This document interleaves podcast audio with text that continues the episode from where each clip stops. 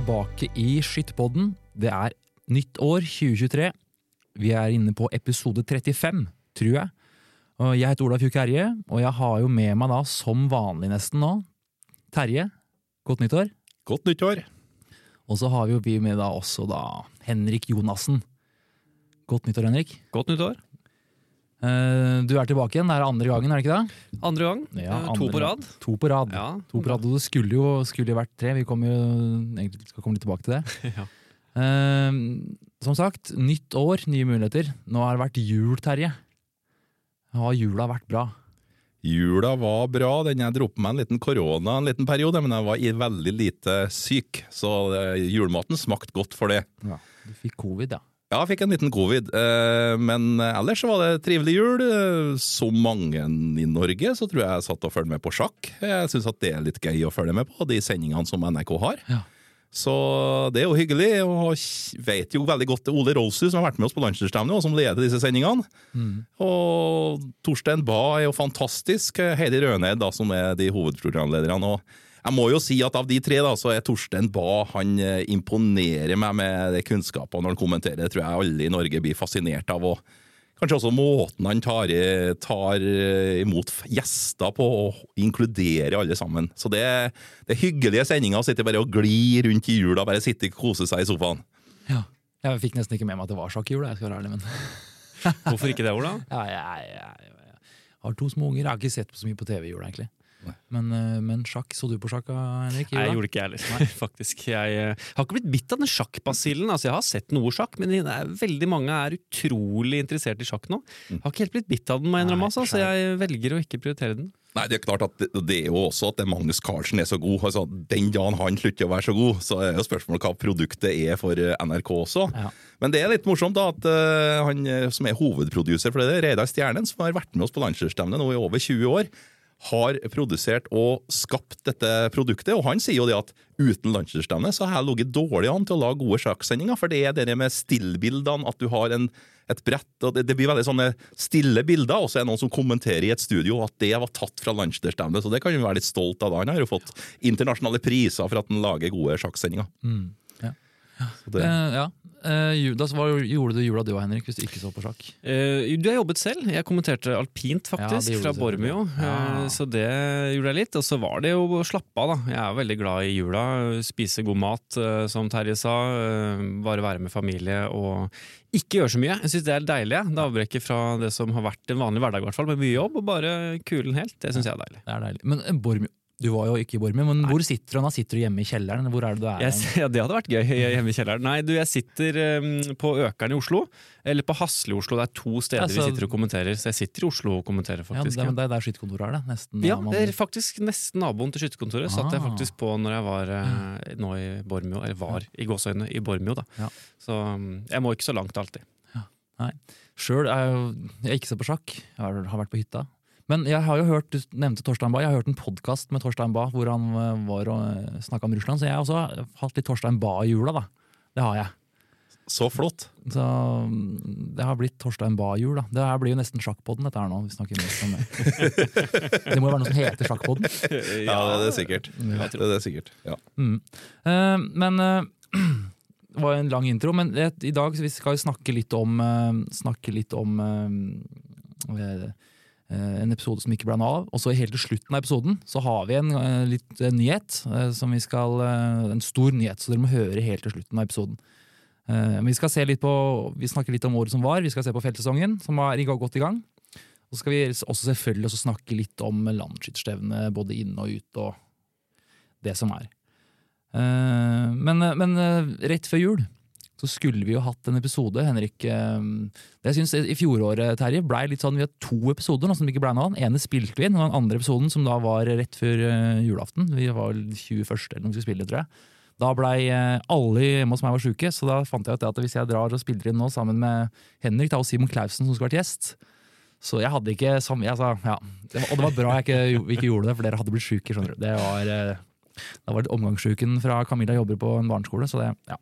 Takk for det, Ja. sier jeg til deg. Jo, det var julegava mi, da. at- Jo, det var veldig hyggelig. Nei, at du skulle være frisk, Ja, det var bra. frisk i jula. Eh, så det. Men derfor så tenkte jeg det at, eh, at vi skal ta oss og prøve oss Vi må jo ringe Simon, fordi vi Han, eh, han Vi må høre åssen jula hans har vært også. Og så har jeg noen flere spørsmål òg. Jeg lurer blant annet på åssen han ligger an til LS innendørs. Så jeg tror egentlig vi skal bare skal ta oss og ringe Simon her og nå. Simon Kolter Clausen, har han her nå? Det blir artig å høre om en tar telefonen. Ja, jeg tenkte faktisk Ja, på det. jeg har jo gitt meg en liten heads up, da. Men uh, skal vi høre. Og nå hører vi da. Simon, du må ta telefonen. Det er jo klassisk at den ikke gjør det. Jeg har forresten et bilde av Simon på telefonen med Kongsvinger. eh, Han er jo skikkelig Kongsvinger-fan, ikke sant? Ja, nei, men Det er greit, Simon. Vi avtalte at jeg skulle ringe, og så svarer du ikke. Dette er telefonsvaret. Ja, det er gøy. Dette er veldig gøy. 7, 4, 5, faktisk svakt. 6, 6, 0, 3, Ja, nei, men, 0, eh, 0. Vennligst legg der, der ga du også hele nummeret Ja, til Simon Så på ring han sending, gjerne. Ring han gjerne og, Nei, men han ringer sikkert opp igjen, han vet du. Gjøk. Det er litt tidlig på Eh, vi, morgenen. hva da. må vi ha noe annet å snakke om? Du hadde en sånn Torstein Bae-historie her, eller greier før Uh... Nei, det var ikke noe annet enn at liksom den Å, å framsnakke han da, for at han, at han er så flink, det var bare det jeg gjorde i stad her. ikke sant? Og så har jeg en kamerat av meg som ringte meg i jula og sa Og det var litt sånn Du, Torstein Ba. Alle har jo en mørk side. Hva du tror Torstein Ba sin mørke side? For han fremstår jo som helt perfekt. Så jeg kan jo utfordre deg nå, Henrik. Har du noen mørke sider som vi ikke vet om? Eh, det er et veldig godt spørsmål. Eh, nei, altså jeg er ikke så mørk, jeg tror jeg. Verken innvendig eller utvendig i utgangspunktet. Men eh, det er jo. Veldig Takk, hyggelig. En flott, flott podkast det her, altså. Nei, men nei, altså, det er jo kanskje veldig lite ydmykt å si nei. Men altså, jeg er jo litt sånn sta, kan være litt sånn sta og egen og gjøre ting på min måte. Det er jeg veldig glad i, og det er jo både positive og negative sider, men det er det ikke det? Ja, det Om det er en veldig mørk side, er kanskje å dra Nei, litt det var langt, ikke mørkt, ass. Nei, nei, det er kanskje det, mør- det er kanskje var noe av det mørkeste jeg har. var ikke liksom sitte inne og sånn. Nei, ikke ennå. Nei, ikke ennå. Satser på at det heller ikke skjer, Ja. da. Mm. Da sendte jeg en melding til Simon. Jeg ringer når du er ledig. Siden han spurte er du ledig mellom 9 og 10 i dag. Ja, jeg har ikke noe problem. Snart Jeg snakka med på telefon for 20 minutter siden. Nei da, det skjedde vel noe med Simon der, da. Eh, der, nå Halla, Simon. Hallei, du. Det var jo fint klassisk det at når vi skulle ringe deg opp, så svarte du ikke. Nå er du direkte Ja. inne i skytterbåten her. Trivelig, trivelig. Jeg sitter her med- med på Norges idrettshøgskole på 50 meters Ja, for du skal selvfølgelig skyte. Jeg sitter her med Terje, Terje Vestvik og så Henrik Jonassen, LS-spikeren. Vi tenkte bare, vi skulle hatt en episode før jul, vi. men da ble, som jeg sa til Henrik her akkurat, at det var bra det ikke ble av, for du hadde blitt sjuk, for jeg blei sjuk dagen etterpå. Ja, så det var julegava mi til deg i år. At du var frisk. Var jula bra, eller? Ja da, den har vært eh, fin, den, vet du. Eh, har en eh, liten tass på to år, vet du, så det, da, er, da blir det liksom litt ekstra koselig, da. Ja, men det er bra. Ja. Så du skal trene nå, på NIH? Ja, nå er det 50-metertrening med godgjengen her. Ja. Så vi driver og rigger utstyr og sånt her nå. Jeg har tatt meg en liten kunstpause ute på venstrefløyen her. Ja. Hvem er som er, hvem er, det som er der nå? Nå er det meg, også Jon Herman Hegg, Henrik Larsen, Jenny Stene, Ole Martin Halvorsen. Og så er det Ole Harald Aa, som er eh, pistolskytter.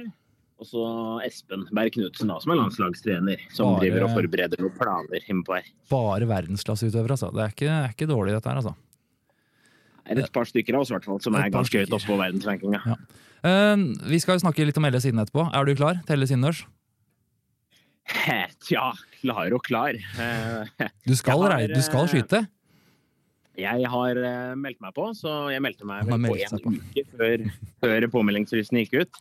Jeg har skutt i november, så skjøt jeg landsdelskretsstevne, altså Viken 2 innendørs. Ja. Der, hva skal jeg si, der ble jeg vel listefyll i gåseøynene. Jeg kom på en sjuendeplass, delt sjuendeplass, med 3,47 poeng, så der var det jo veldig høyt nivå. Har, Ja, men det bra. Har, har, du trent to, har du trent tominuttsgrunnlag? Det er det eneste jeg er interessert i, vet du, Simon. Hørte du, Terje? Jeg har det. Forrige uke så skjøt jeg semifinale i Østlandscupen for da mitt skytterlag Høland Bjørkelangen. Vi møtte Rygge.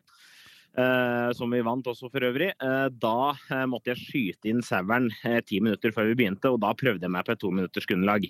Eh, så kan jeg holde den poengsummen for meg sjøl, men jeg har gjennomført ett to minutters grunnlag. Ja, det er med kommando, det er helt riktig. Ja, men det er bra.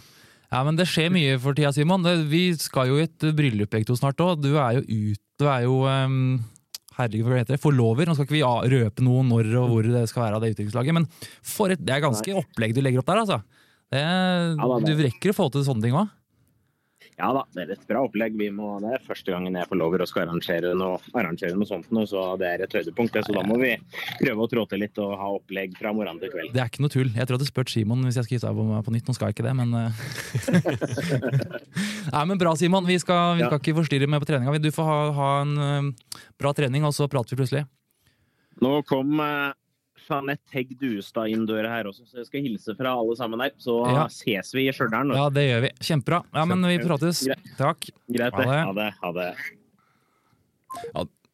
Når vi nevner Jeanette, da, når hun ble nevnt her nå, og Espen Berg Knutsen, det var jo veldig hyggelig å se denne idrettsgallaen der de var begge nominert. Så det var jo veldig bra og god honnør til det de har gjort i, på skytterlandslaget i fjor. da. Du så dem, jeg så ikke på, du så dem på TV-en. Den var på TV-en. De var på TV-en, så Ja, ja. det var jo veldig hyggelig sånn sett. Ja, det Ja, du var vel i Ja. salen òg? Det De var i jo Mm -hmm. Mange utøvere som er på sånne kjedelige hotellrom rundt om i verden på idrettsgallaen. Så Ja, det var gøy å se dem i salen. Ja, noen er det. Noen var der. Therese Johaug for første gang i historien. Og hun var det, ja. Mm.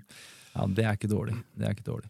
Um, det vi skulle ha snakka om da, nå Simon før jul, var liksom litt sånn oppsummering av 2022 og litt sånn, så jeg tenkte vi kan jo ta det kjapt. Uh, uh, Henrik, altså året som var, 2022, hva hva var liksom dine høydepunkter? Må ikke være skyting, eller hva? Altså, eh, Jeg kan jo begynne med skyting. Ja. Fordi det er klart at Mitt store høydepunkt i 2022 var at jeg skjøt på landsskytterstevne. Ja. Som vi snakka om eh, sist jeg var her. Stemmer. Det var jo et kjempehøydepunkt. Ja. jeg hadde jo vært speaker på LS før, og selv om det er gøy, så var det det å skyte som selvsagt var det en eh, Ja, det var, det var artig, altså. Så det, det kommer jeg til å ta med meg fra 2022 som et av de store høydepunktene. Mm. Ellers så har vel jeg Uten at jeg skal bli for utbroderende kanskje. Jeg, man har, jeg, jeg tror ikke jeg er alene med å si at jeg har et veldig ambivalent forhold til 2022. Um, fra at det eh, Selvfølgelig er det noen oppturer med landsskytterstevnet. Vi hadde et, eh, for en som er glad i vinter-OL. Vi hadde et vinter-OL i Beijing som gikk eh, Norges vei, med Johaug sitt første OL-gull. Vi hadde skiskyttergjengen, skøytegjengen gjorde det bra, kombinertgjengen gjorde det bra. Um, jeg storkoste meg. Jeg, liten anekdote der. Jeg fikk korona. Som du, jeg fikk det fredagen når OL begynte. Oi. Så jeg sa fra du- til sjefen at jeg hadde fått korona, så trodde hun faktisk ikke på meg. Ikke Nå skal du bare være hjemme for å se OL. Men jeg fikk det, jeg lover. Eh, jeg har bevis på sånn, med sånn to streker og sånt. Ja. Eh, så det var et høydepunkt. Og så med det personlige plan så gifta jeg meg for andre gang med samme kone, fordi vi gifta oss i korona først. Ja. Og så tenkte vi nei, vi må ha faktisk en litt større greie. Så vi kjørte full pakke igjen nå i, i fjor. Så jeg fikk liksom gjort om den, så det var et stort høydepunkt. Eh, men ambivalentheten handler jo om at vi igjen fikk en krig i Europa som vi ikke kommer unna. Det er jo all over the news også i dag, eh, når vi spiller denne podkasten. Mm. Um, og det er en ting, Krim ble jo hva kan man si, overtatt i det stille og det rolige nærmest i 2014. Ja. Men den fullinvasjonskrigen vi opplever nå, det er jo veldig veldig spesielt og utrolig tragisk for dem det gjelder. Ja. Eh, I tillegg til alt av bensinpriser og matvarepriser og strømpriser og alt mulig som har gått opp. Da får man et litt sånn ambivalent forhold til 2022. og Ja, jeg er frykter at det er det som står igjen. Ja, det, Det er de negative år. tingene. Så dessverre, da. Ja, men Jeg liker at du sier å gifte deg i år, men det du trekker fram først, er at du skøyt på landet. Det er jo eh, Det det begynner å bli litt DFS i han òg. Han kommer seg Ja, skikkelig han gjør det. Ja, det er bra. Må, se, må selge seg inn godt, vet du. Ja. Ja. Du og Terje? Nei, eh, han tok jo masse av det som prega 2022 her. Og kanskje feil å bruke ordet ambivalent, men denne krigen nå i Ukraina, den trasige tri krigen som varer og varer nå, og vi vet jo ikke når det blir noe ende på det, eller, gjør jo, som jeg tror nevnte så litt sist òg, at det en organisasjon som Det frivillige skyttervesen da, blir faktisk mer aktuell da, i forhold til den skyteopplæringa, det at våpenkulturen som vi leverer og alt det vi gjør til Forsvaret. Og det var jo det flotte som vi snakka om også før jul, med at eh, departementet nå da gir, og Forsvaret ga penger til DFS for å ammunisjonsstøtte fra annet. Så, sånn sett så er det jo aldri så gærent at det ikke er godt før nå, men det er kanskje litt drøy å si når det gjelder krigen i Ukraina. Så, så det var nå det, det poenget der. Og det at vi fikk et landslagsstevne igjen i Bodø, da, var jo selvfølgelig et høydepunkt. Ja. Vi har to år uten. Så det var jo herlig å møte skytterfamilien igjen. Så får vi tro at den vokser og blir enda større nå når vi kommer til. Voss til sommeren også. Ja, det trenger vi. Ja, jeg henger meg på det med landsskytterstevnet, egentlig, sånn hvis du ser på skytemessig. For når vi, jeg husker når jeg var på arenaen, og det var en av de første dagene, det var fint vær, og det var fullt på Bestemorenga der. og liksom da bare Jeg stoppa på Sord Arena, arenaen, og det var ganske Det var, hadde vært to, altså tre år siden sist. da. Det, jeg syns det var faktisk ganske stort, så det står fram som et høydepunkt. For min del, da. Eh, egentlig. Fra året som gikk. Eh, så hadde vi jo første gang Nasjonal Grofelt her også, som var, eh, som var eh, også veldig bra, egentlig. Det blei jo det. Det var masse lover om det etterpå. Absolutt. Veldig fin helg. Eh, nytt år, nye muligheter. Jeg sa det i stad, ja. Men uh, hva Det skjer jo egentlig det, er, det skal jo skje ganske mye spennende i år òg, Terje. Sånn, noen sånne hovedpunkter. Ja, det har jo allerede skjedd veldig et stort høydepunkt. Det vi var på i helga, Ola, med Ja. at vi var på, hadde kurs, en skytterlagslederkonferanse med 90 skytterlagsledere, og en lederkonferanse med alle samlagslederne var på. Så det var jo en hel gjeng som var samla nå på Exporama i helga til kurs. 140 stykker. Jeg tror kanskje ikke vi har hatt så mye folk på et kurs i DFS med ledere noen gang. Nei, jeg tror faktisk det var opp mot 150 hvis du tar med skytterstyr. og Så, så det var veldig bra. Og det er gøy å møte så mye folk som brenner såpass for Da blir du minna litt på hvorfor vi jobber med dette. da. Og samme helg så starta jo feltsesongen her. Ja. må ikke glemme det, på Nei. Hemnes. Eh, Det var vel ikke alle stevnene som ble like vellykka arrangert, eller eh, som ikke ble noe av? Var det noe sånt? Vi har jo Trøgstad. Det, det begynner jo, i- skulle begynt i Trøgstad, hvis vi kan gå og snakke litt om feltsesongen, da, for det, som jeg tenkte vi skulle gjøre. Um, Trøgstad, feltene er jo, skulle vært, men der mangla de bussjåfør, tror jeg. Rett og slett. Så det ble avlyst. Det var òg veldig dårlig vær den dagen, så jeg tror egentlig det hadde kanskje blitt avlyst uansett. Men, uh, men det, ja. Det, det, er jo, det, det blir jo dratt dra litt av, men det sier jo NHO Transport, at vi kommer til å mangle 1000 bussjåfører i året de neste årene framover. Så det der er jo, Ja, de ha sagt det, Ja, ja. så dette Ja. her er et stort problem. Så Ja. nå må man booke tidlig for å sørge for at man får gjennomført Det- arrangementene framover. Ja, Altså. det, det er mye, jeg synes det er mye annet som er utfordring. Hvis det òg skal liksom hindre oss i aktivitet, da blir det tungt framover. Altså. Eh, vi skal ta feltsesongen, men hva, året som kommer for deg, Henrik Du, skal jo, du har jo begynt jo som frilans nå rett før jul. ikke sant? Det er korrekt. Eh, Så for meg så er jo hverdagen blir spennende for meg. Hvordan Mm. blir hverdagen min, eh, rett og slett. Eh, Som kommentator og speaker og hele den pakka der. Eh, Det blir morsomt å prøve å finne ut av litt hvordan den er. Jeg har jo hatt noen dager på meg, og det virker veldig lovende, altså. Eh, Det skjer mye og får tid til å forberede meg og kose meg litt innimellom. Så det er en perfekt kombo. Men det er jo klart, det kommer vi jo selvfølgelig tilbake til, men det som skjer i starten av februar blir jo veldig spennende. da. Ja. Være med på noe historisk, som vi snakket om sist. Det gleder jeg meg skikkelig til. Ja, det Jeg også. Det, uten tvil. Eh, hvis vi sk ja, Terje? Nei da, det var bare helga. Jeg kan jo fortelle om det morsomme som skjedde, som kanskje ikke var så morsomt. Ja, for kan- ja, vi... Hæ? Var ikke det artig at, at, vi, at, vi, at vi midt om natta måtte ut på brannalarmen lik? Det var, synes jeg var høydepunktet i helga, for å si det sånn. Klokka halv fire, hele kurset ut og stå der. Og da var jeg vel i DNB som hadde en fest, tror jeg, som sikkert de eh, hadde overskudd fra de gode renteinntekter de har for tida. Ja, var- de sto, de sto skikkelig på å utløse brannalarmen nå på det herligste tidspunktet, halv fire. Det var så mange fra DNB der at de tok i hotellrom fra oss også, så vi måtte jo sende en gjeng over på et annet hotell på Olavsgård. Ja, Og jeg skjønte jo at de var egentlig ganske fornøyde med det, for de slapp dem å gå ut midt på natta. Og der skal, skal jeg gi honnør til generalsekretæren Jarle Tvinnrem, Ja. Han har pakka, han tatt med seg viktigste tingene i sekken. Så han eh, var eksemplarisk i forhold til beredskap. Han var klar for å jobbe den halvtimen det som vi må stå han det som egentlig var greia der, vet du, han satt og jobba, han. Var det Ja. han gjorde? Så han bare putta PC-en i sekken og gikk ut, han. Ja, det var mange artige ting som folk sa de har gjort da de sto opp midt om natta. Det var at De gikk og pussa tennene før de gikk ut, og blant sånne ting. Det er rare sånn, lurer på hva som skjedde. Ja. Er det egentlig lov, da?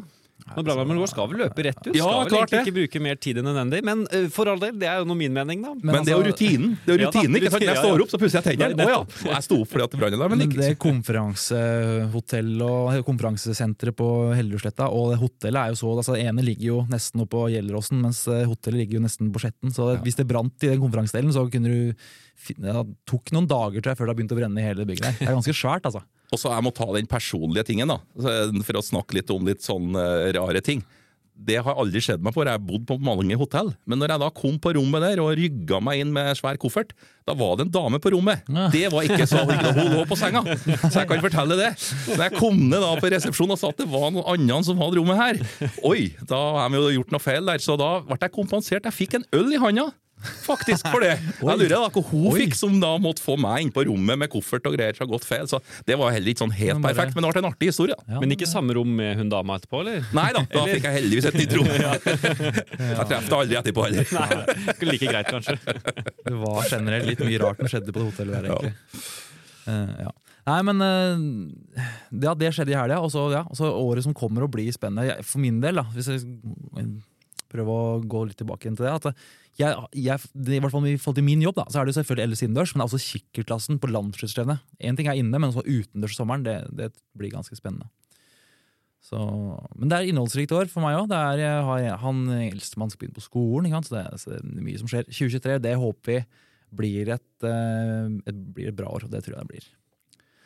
Feltsesongen, Du begynte å snakke om feltsesongen, Terje, og vi snakka om at Trøgstad ikke hadde bussjåfører. Eh, Hølland, det var jo stevne der i helga. Hemnesfelten. Jeg har sjekka litt på, sett litt på deltakere og sett litt på hva som er påmeldt framover. Det, det har vært flere deltakere på feltskyting før. Det var 123 deltakere på Hemnesfelten. Det, det, det tipper jeg er noe av det lavere noen gang. Jeg har ikke sjekka.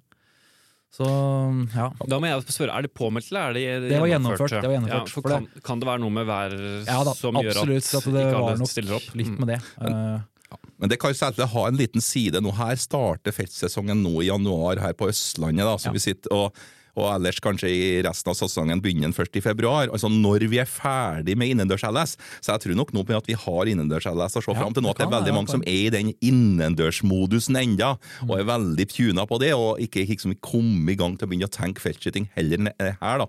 Når de skal opp til Trøndelag og skyte innendørs-LS om 14 dager. Ja. Men det er litt stigning i programmet. for at nå til helga, for nå, nå er det 22. Nå på, da er det Rådet, der er det 189 påmeldte.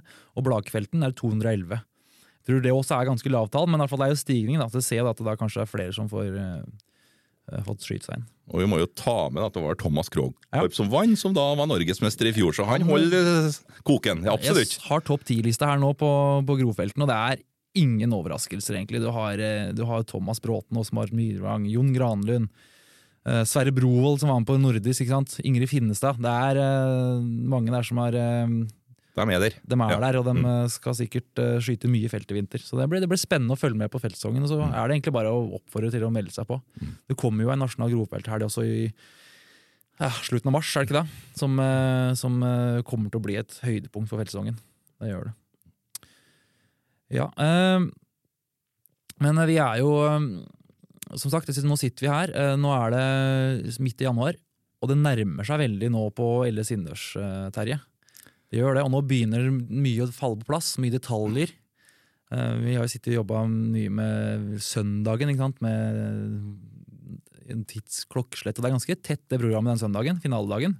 Ja, Det er kolossalt tight, og det er mye som skal planlegges nå for første gang. Så nå prøver vi å se litt inn i glasskula. Hva kan gå gærent? Hva er det vi ikke har tatt høyde for? Sammen med arrangørene, da, som de på Stjørdal, de gleder seg som bare det. De har jo masse detaljer nå med logistikken inn og ut av skyttere, parkering. eh, lagene og hvordan det skal gjennomføres, ikke sant? og teknikken, da, hvordan vi gjør ting innendørs. Jeg tror vi snakka litt om det sist òg. Ikke minst Henrik og Kristina skal være spikere på et innendørs-LS som de prater rett ut til folk på standplass som står der. ikke sant? At Vi gjør noe for første gang, og det håper vi å ha litt forståelse for. da, at at folk skjønner det at dette her må gå seg til. At det i år nå så blir det et lite sånn prøvemesterskap, men, men vi har forberedt oss. og Det er gjort mange gode forberedelser, og det er mange eh, spørsmål nå hver dag om hvordan ting skal gjennomføres. Ja, absolutt. Ja, vi har Så vi gleder oss. Ja, vi, vi har forberedt oss, det skal jeg skrive under på. Det er, det er vel det her vi driver med nå. Mye fokus på det her, og, og også telefoner inn da, om spørsmål om Ja, jeg hadde en V- V73 her en dag som ringte. Du Terje, som har litt oversikt, hvor kommer finalegrensa til å gå i V73? Og da, det, det var litt å ta i, da. Kunne antyde sånn cirka hvor mange som kom til finalen, men eh, det at jeg skal vise finalegrensa nå, det var litt tidlig å si. Ja, det synes jeg burde vist, ja. Mm. Da kan oppfordringen være 'skyt så godt du kan', så Ja. får vi se. Det, ja. Nei, det er jo altså eh, Har forberedelsene begynt for, altså for det, Jeg husker ikke hva du jeg spurte om det også før jul, men har du liksom begynt nå å se enda mer på ting, Henrik? Sånn i forhold til eh, jobben Ja. du skal gjøre? Ja, egentlig. Jeg har begynt øh, å titte litt f.eks. på stevner som er skutt. Da. Altså, Ja. hvordan, hvor, ligger, eh, hvor ligger folk? Ja. Hva skyter de på? Eh, Hvem eh, skyter bra? Er det noen som ikke skyter bra? Ja. Sånne ting, Uten at jeg har eh, skapt meg den fullstendige oversikten ennå, men jeg har fått begynt den jobben. da, Prøve å titte litt gjennom. Eh, Noen eh, ser ut til å være i rute til eh, å skyte innendørs, så det, det ser jo bra ut. Og, eh, så, så jeg tror det kan bli, bli veldig spennende, altså. Og så, eh, ja. så er det dette som eh, du snakket med, med Simon, da, to minutters grunnlag for eksempel. Altså, det er en del, eh, og en Olav Five-skytingen vi snakket om sist. Det er jo en del nye elementer som jeg gleder meg veldig til å følge, og som vi ikke vet hvordan det kommer til å gå. Altså, det, det vet vi ikke før vi er i Stjørdal.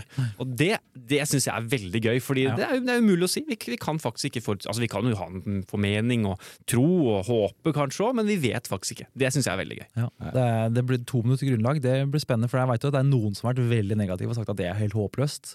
Og, og, vi drar, og vi drar jo på, da, ikke sant? når de 20-ene skal skyte til slutt, så skal vi ikke skyte 20 samtidig heller. Vi skal skyte to og to og to og to.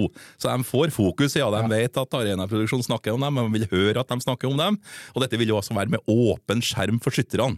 Så det er også gjennomføringa der på den finalen. Så eh, her er det mange nye elementer, og vi vil jo også ha det sånn i lagskytinga. Der er vi fikk jo 146 lag påmeldt i lagskytinga. Fantastisk Ja, antall. det er ganske Ja, det er et lag som var helt oppe i fem lag. lag. Så vi åpna jo for flere lag.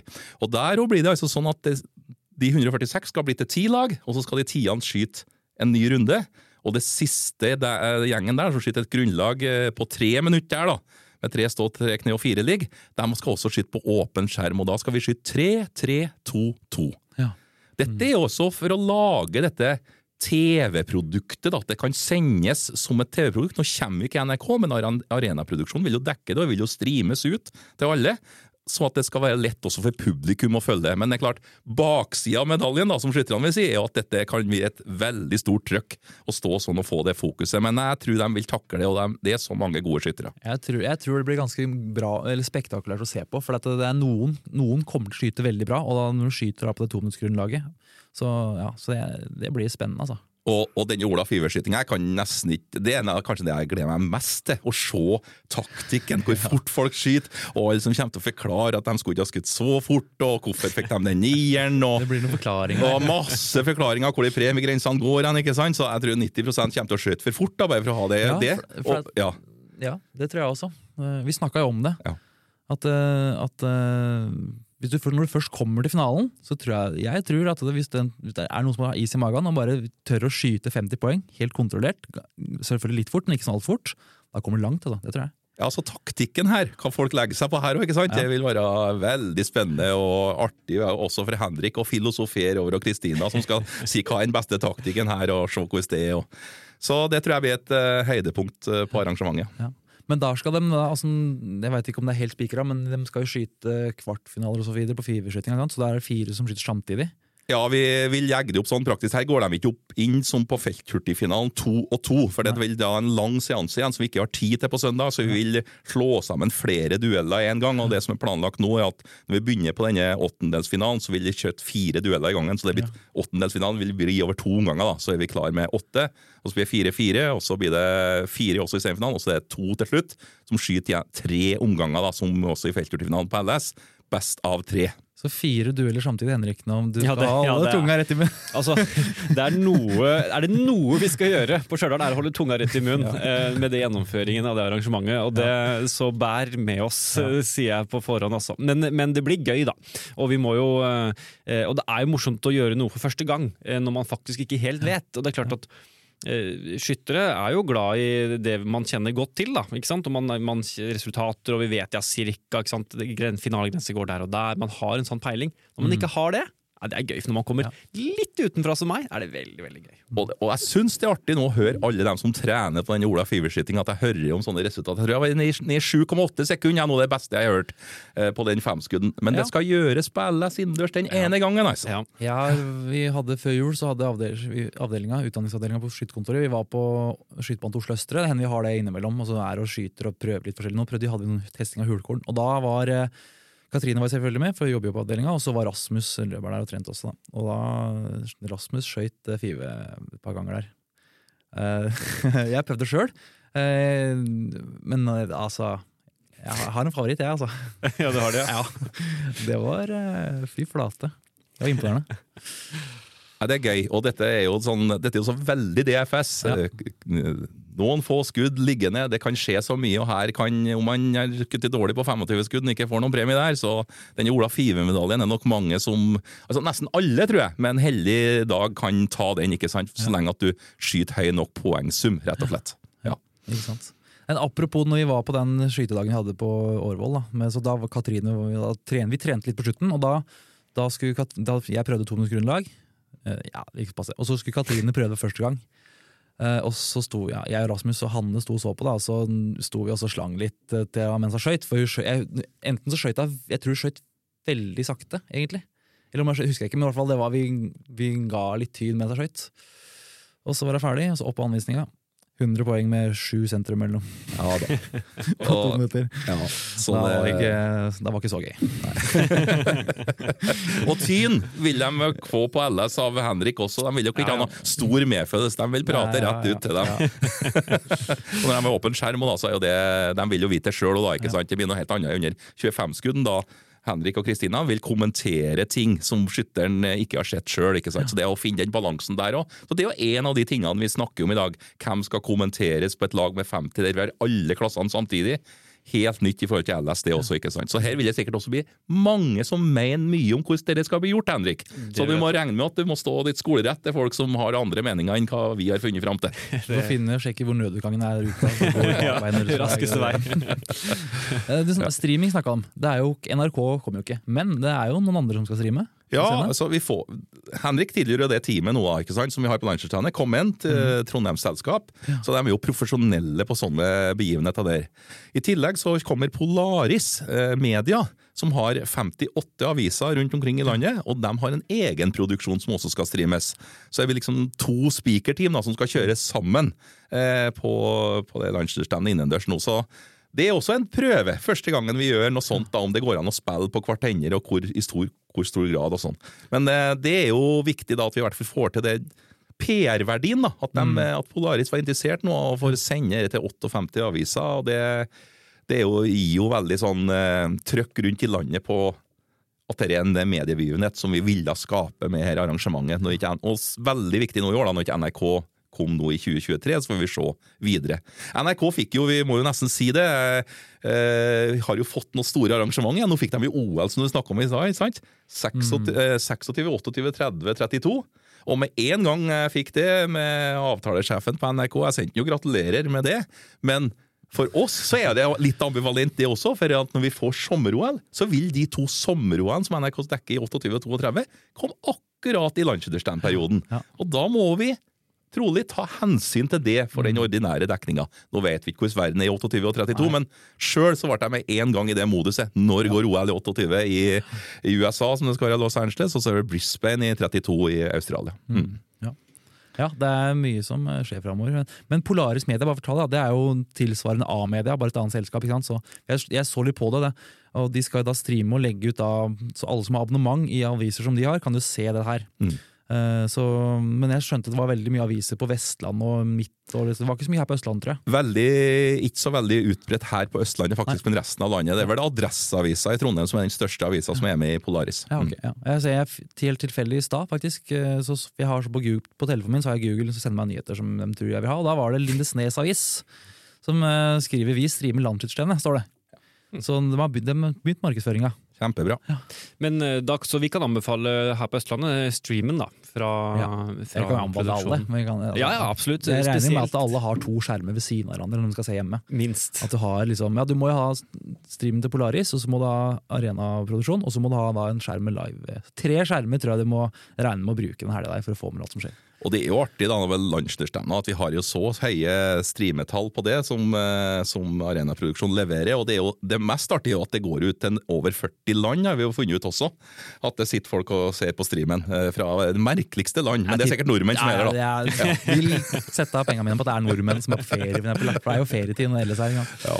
Men det jeg tenkte jeg kunne si også, til, altså, det er jo mye nytt da på LS innendørs. Som du sier, det kan jo være mange som er uenige, uenige i måten vi velger å gjennomføre ting på. Men selv om NRK ikke er der. Men eh, målet må jo være at NRK skal sende Ellis innendørs en gang. Og hvis dette her blir bra i år, så vil det være en kjempesøknad til at NRK blir med f.eks. neste år, hvor det ikke er eh, mesterskapssesong på samme måte som i år. For eksempel. Så vi må jo tenke at eh, det er forhåpentligvis til skytterne og skyttersportens beste at eh, gjennomføringen blir så god som mulig, selv om det kanskje er litt nye ting som ikke alle er enig i. Ja, og der vil det sikkert noen mene hva- er dette nødvendig å gjøre når ikke NRK er her? Ja, Det kan en selvfølgelig si nå i år når ikke de er der, men altså vi gjør det for å skape det medieproduktet for videre og kan vise fram eh, hvordan vi gjorde det nå i år. da. Forhåpentligvis vellykket, da, som vi håper på. Ja, nei, jeg har trua. Det blir bra. Det gjør det. Eh, Det kommer jo et LS til, og nå er det jo tidstabell og sånn på landsskytterstevne utendørs, eller hva skal vi kalle det? Landsskytterstevne? Ja, det blir jo litt sånn, og hvilket begrep bruker jeg? Jeg tror folk begynner å, begynner å, begynner å snakke om landskjøttene utendørs, Ja, må sidestille og begrepene osv. Ja. Ja. Så tidstabellen er, Terje, den er jo kommet nå, ikke sant? Eller ja, den er lagt ut øh, nå på landet i går, Ja. Og det er ganske likt sånn som vi gjorde i Bodø, sånn i forhold til dagene. Det som er interessant nå, som vi ikke har tatt med oss, at det var jo dette landsskytterstevneutvalget leverte jo sin innstilling nå til styret før jul. Ja. Og den var jo drøfta nå blant samlagsledere da, på den lederkonferansen som var i helga. Mm. Og temaet selvfølgelig som er her, det er at når du kommer litt utafra og ikke ser alt som skal foregå på landslaget, så er det å komprimere, få landslaget eh, eh, raskere gjennomført. for at Folk mener at for, Man har ikke tid til å være så lenge på landslagsstevnet. Mens LS-utvalget var jo der at jo, vi må dyrke at dette vi, fortsatt er en ferieopplevelse, og at det er ferien til folk, at de ønsker å være en uke. Men vi som arrangerer, har jo ikke noe følelse av at dette er slakke dager, Henrik. At, dette er med, at de ikke er lange nok. Mens det er mange som har formening om at her er godt an å kutte inn sånn og sånn. Ja. Vi trenger den uka, og vi håper jo virkelig ikke at det blir sånn at det blir så få deltakere at vi kan eh, kutte ut dager. Vi vil jo opprettholde det som et så stort arrangement som vi har nå, og vi så jo litt ned, ned nå både i Evje i 2019 og Bodø 2022, så vi ønsker jo opp igjen på et høyere Ja. deltakerantall. Ja. Og da trengs det en uke til å arrangere med alle finalene og all den gjennomføringa, altså. det gjør det. Det er vel, skal vi begynne fredag, skal vi ikke det? Eh, Med V- V65 bane, tror jeg er som starter. eh, Ja, Det er noen sånne små endringer, men det kan man gå inn på nettet Ja, nå ja, altså, ja, men det- det- hovedprinsippet er likeens, så at vi slutter på fredag da med feltfinalene. Ja. Mm. Eh, og det er ikke, men det, er ikke bare, det var jo LS-utvalget leverte rapporten nå. Men det er jo annen, det er en annen prosess som er i gang også, og det har vært høring for klassestrukturen i DFS. Og der har det jo Hvor mange var det som sendte inn svar der? For der kunne hvem som helst sende inn eh, svar, stemmer det? Ja, jeg fikk 85 svar. Det var jo dette nye teknisk-sportlige utvalget som satte i gang denne høringa nå i høst. Og Da har vi frist 1. januar. Og da jeg fikk jeg inn 85 svar, eh, veldig mye forskjellige svar på endringer i klassesystemet. Eh, mest eh, forslag til endringer var det eh, faktisk i veteranklassene. Ja. Og det, og det kanskje den, det som var fra Sotnak-utvalget, sist gangen det var en gjennomgang av klasseskolen, var i 2016. De mente at veteranklassene heller burde, burde deles på kvalitet, og ikke etter alder. At man fikk to klasser eh, minst da, som veteraner. Og så er jo spørsmålet med 73 år, om den skulle ha vært heva litt. at de holder seg unge lenger nå enn eh, enn de var i 1990, når det klassesystemet ble. Så det var veldig mange svar rundt veteranklassene, men så kan en jo se på alderen til dem som har svart òg. De har jo, var jo den alderen sjøl, så det er mye sånn at man, man skal se at man snakker litt for sin syke mor også. Ja. Men, eh, men eh, det var mange ulike innspill, kan en si, og nå har jo alle fått hørt. Og nå fortsetter da TSU sin behandling, og kommer sikkert til å spørre litt mer, og ha kanskje enda mer høring. Og så kommer jo klassestrukturen til endelig behandling Skyttertinget 2024 i april. Du som kommer fra helt fra utsida, Henrik. Sånn, når du Klassesystemet i DFS, er det noen ting, sånn åpenbare ting du tenker på som er sånn hm, Hvorfor er det sånn, eller burde vært annerledes? Altså, Ehm, det var over bordet, ja. Altså, det var over bordet. Jeg har jeg dette har jeg ikke forberedt deg på, men Nei. jeg kom på det nå. Liksom, dette, Altså, En av mine svakheter er at jeg har lett for å akseptere ting som det er. Jeg Tenker at ja, men dette er fint, det. Ja. Eh, og endring er ikke alltid så bra. Så jeg, eller ikke, ikke at det ikke er bra, men at ja, det funker jo greit nok, så hvorfor ikke? Så ikke, det er ikke noe jeg har reagert på Nei, nei. eh, sånn i utgangspunktet, vil jeg si. Det, det har jeg ikke. Nei. Eh, og i, i og med at um, man ikke er låst til klassen sin, f.eks. på veteran, så, så går det jo greit, tenker jeg. Men, men for all del, altså, det, det, altså man har alltid eh, lurt av å se på ting og forbedre og vurdere, og så kan det godt hende at man lander på at nei, vet du hva, det fungerer godt nok sånn som det er i dag, og hele pakka, men, men, eh, men at man går gjennom og titter litt, det tror jeg er lurt. Eh, Og hvis Ja, det kom jo da i 90, som du sier, det er jo faktisk godt over 30 år siden. Da, da er det på tide å Eller da kan det være på tide å gjøre endringer. Uten at jeg har over bordet en kjempeforslag til sånn jeg, genial idé. jeg trodde du hadde fasit. jeg. Ja, Det, ja. dette var jo veteranene. da. Det er jo utvikling på klassesystemet. De hadde jo et utrolig finurlig og komplekst og fleksibelt klassesystem. Dette med rettferdigheten og det som de skal videre gjøre, da. De skal se på premiesystemet, og mye av den at vi skal ha den rettferdigheten i år, for at vi skal Mm. være rettferdige med premier. Men det jeg kan spørre deg om én ting.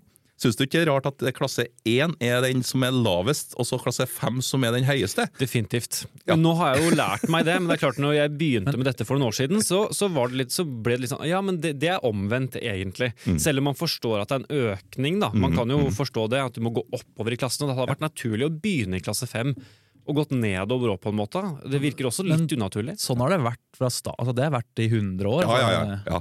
Det har vært sånn, at det har gått oppover sånn. Men det er ikke noe une, sånn veldig unaturlig. Men hvis du kommer utfra, som du sa, så kan Ja, ja. du tenke at å, klasse 1 må jo være de beste, Ja, og klasse 5 Det er Ja. Helt intuitivt så er det det. Så ja. det er ulogisk, egentlig. Men Og for oss som har er- vært i det, så ja. Nettopp, og for Mitt spørsmål er hva var begrunnelsen den gangen? Vet det du det? må vi finne ut her, ja. Fordi det kan jo hende at det ble litt sånn Ja, nei, men sånn, sånn blir det. eh, Og ting er ofte gjennombegrunnet, det er ikke det jeg sier, men noen ganger så blir det jo ofte litt sånn tilfeldig. Vi prøver å finne ut av det, det blir sånn, og så setter det seg sånn, og så har man egentlig ikke tenkt over hvorfor. Jo, I opprinnelsen var det bare tre klasser, 1, 2 og 3, og helt annen bruk av klasse 1, 2 og 3 også, skjønner du, når vi går helt tilbake i historien.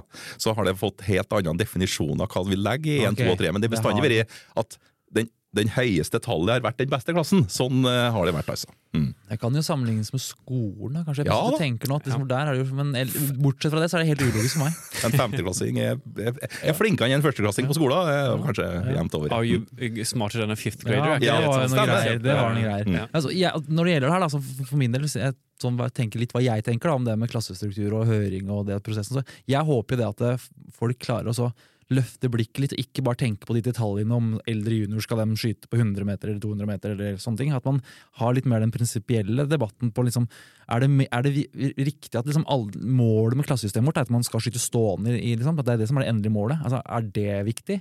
Eh, skal, altså, at man kan ta, ta den debatten. Da. Litt mer se på før man begynner å liksom, flikke på detaljene, som vi er veldig flinke til å gjøre. At man ser på det. Ser på liksom, hvordan skal uh, ungdomsskyttere Må man skyte kne når man blir 16 år? Altså, man ser på det her. da. Hva er det som, og ser på hva er det som, Hvordan kan klassesystemet være sånn at vi får flere til å skyte lenger?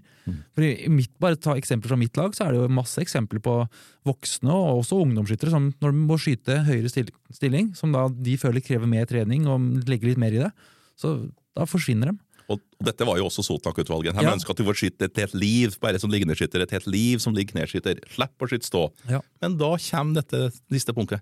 Da kommer dette med premiering igjen. Skal du få lov til å skyte 250 i klasse 1, ikke sant? opp til 250? Ja. Vi får stor nivåforskjell, ikke sant? Så vi fikk jo på høring her nå altfor høye klassesettingskrav i klasse 2. Nei, det må settes opp! Ikke sant? Så, sånn motstridende ting fikk vi Ja, jo flere men- eksempler på også. Men, ja, men jeg tenker at man må gå før det. da. Ja, man se, på, se før det. Før man ser på klassesetting, og ser på, så må man liksom bestemmes. vi må bestemme oss for hva er det som liksom er viktig. Ja. Er det viktig for eh, aktiviteten at alle lærer å skyte stående? Eller er det greit at man kan skyte bare liggende hele livet hvis man vil det? Og alt henger sammen med alt. Og Ja. det var det faktisk bare to av de 85 forslagene som var helhetlige. Ja. Som hadde tatt med seg Det er greit å gå inn og så se på én detalj, men den detaljen påvirker den andre igjen. Ja, ja, og Hvordan har du tenkt å gjøre det? Så det var bare to av de 85 som har satt sammen et komplett Dette var gjennomtenkt system, da. Ja. For Hvis du begynner å flikke på det som er nå, så Mm. er da enten så må du enten, Og da tenker jeg da kan du like godt ha det som det er nå, for Mm. det fungerer sånn som Henrik sier. og Det, det er faktisk et system som fungerer. Vi har jo vi har jo muligheter for å gå dit og dit hvis du vil det. og sånne ting. Det er et veldig fleksibelt system, sjøl om det er veldig innvikla. Så ja. Og sjøl Janne, jeg ser alle utfordringene vi har i DFS, da, mange ting som er bra i tida også, så er kanskje ikke dette her det som er den største utfordringen vi har i DFS nå, Nei. klassesystemet. Men, eh, men samtidig så er det jo sånne prosesser som må gå i en organisasjon uavhengig av eh, verdenssituasjonen rundt og høye ammunisjonspriser og blyproblematikk osv. som er på dagsordenen. Bussjåfører og ja, så videre. Så, ja. Nei, men eh, det, det blir jo spennende. da. Da er det jo skyting annethvert år, så det her er jo 2024. Så jeg, jeg syns i hvert fall det blir spennende. For det, hvis, det, hvis det blir en Jeg har litt trua på at det, hvis man tar en god debatt og klarer å se litt store linjene, så kan det faktisk bli en ganske kanskje stor endring. Og da blir det spennende å se.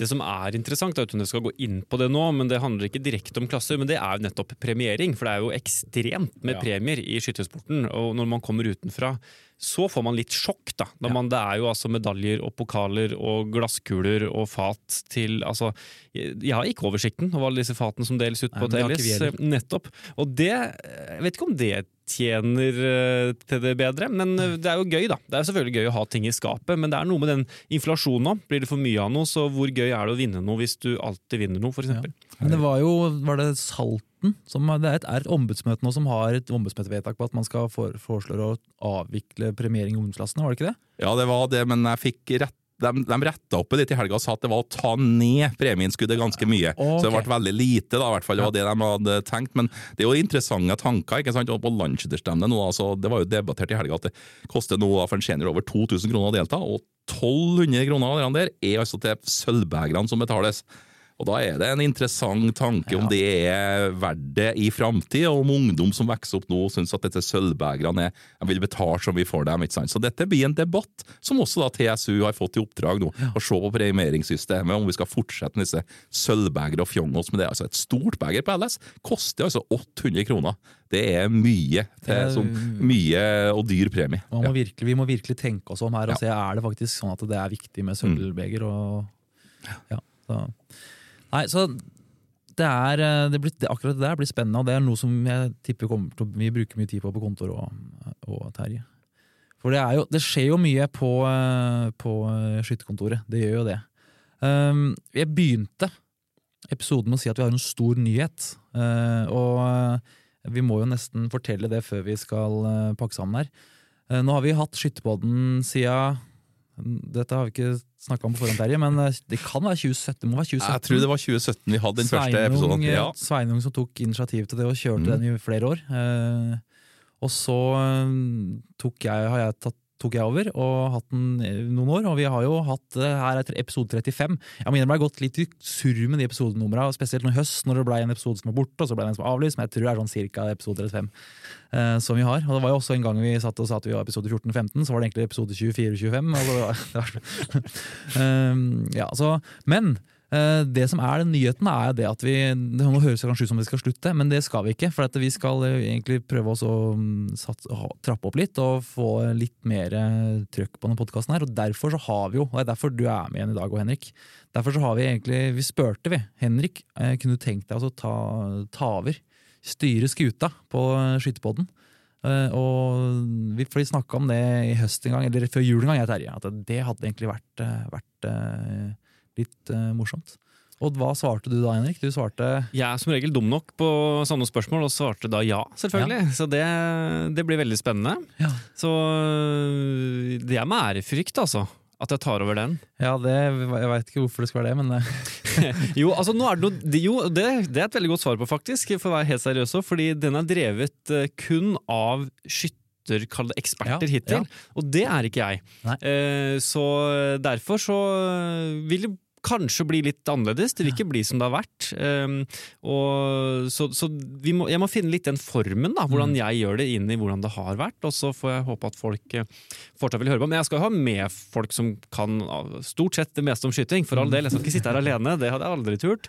Um, så det, det blir spennende. Og så får vi se om jeg klarer å ha et litt annet blikk på ting, da. Ja, og det var akkurat det vi snakka om, Terje. At du, var jo med i den episoden i høst, og så snakka vi i bilen på vei tilbake Terje, om at vi må Henrik altså, vi visste, altså, Du er jo profesjonell speaker, du har hatt podkast. Jeg må, har jo sjekka deg opp litt. eh, Også. Du har jo hatt egen podkast også om noe hva, Sports, det, han var om sport generelt, egentlig. Sport generelt. Sportsdirektoratet. Eh, også, men så var det sånn at hvis vi skal ha med Henrik mye, så liksom, det er begrensa mye han kan om skyting. Liksom, så liksom, hvor mye kan vi liksom, mjølke han på det?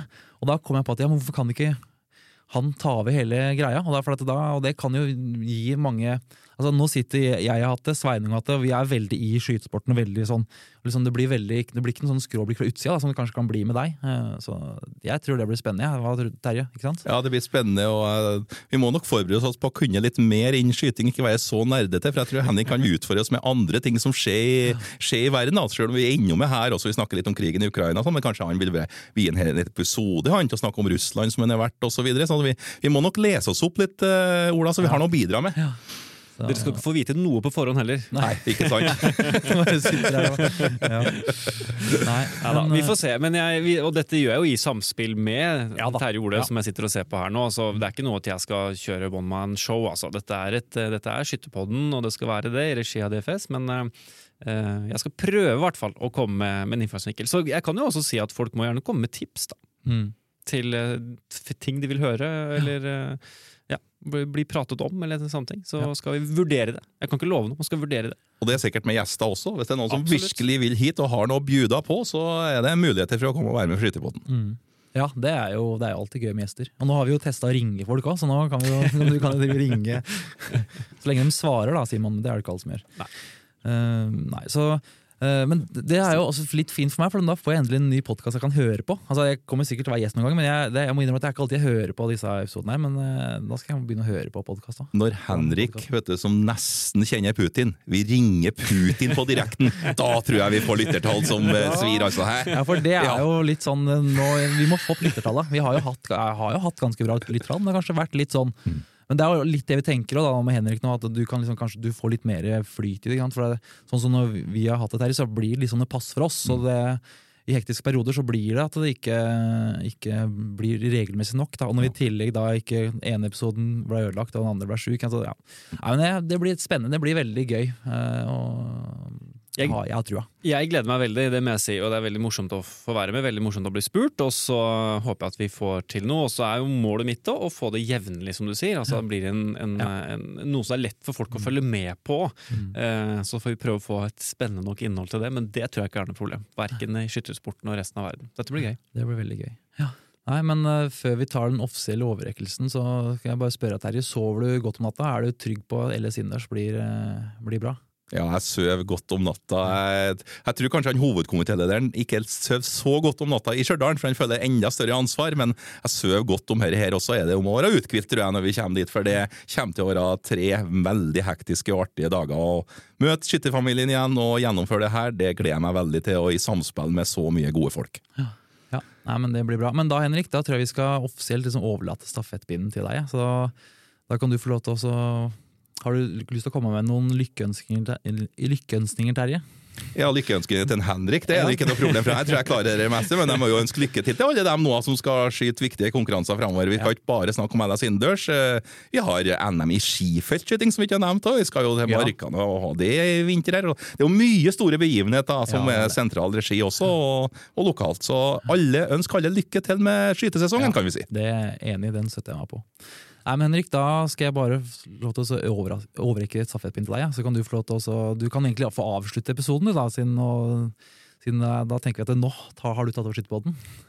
Ja, det ble, det ble, det ble litt stort, eh, nesten. Ja, altså, så jeg tror ikke jeg gjør det mer avansert enn det er. Og fra min side også, ønsker lykke til eh, fram mot landsskytterstevnet innendørs og alt det andre som skjer.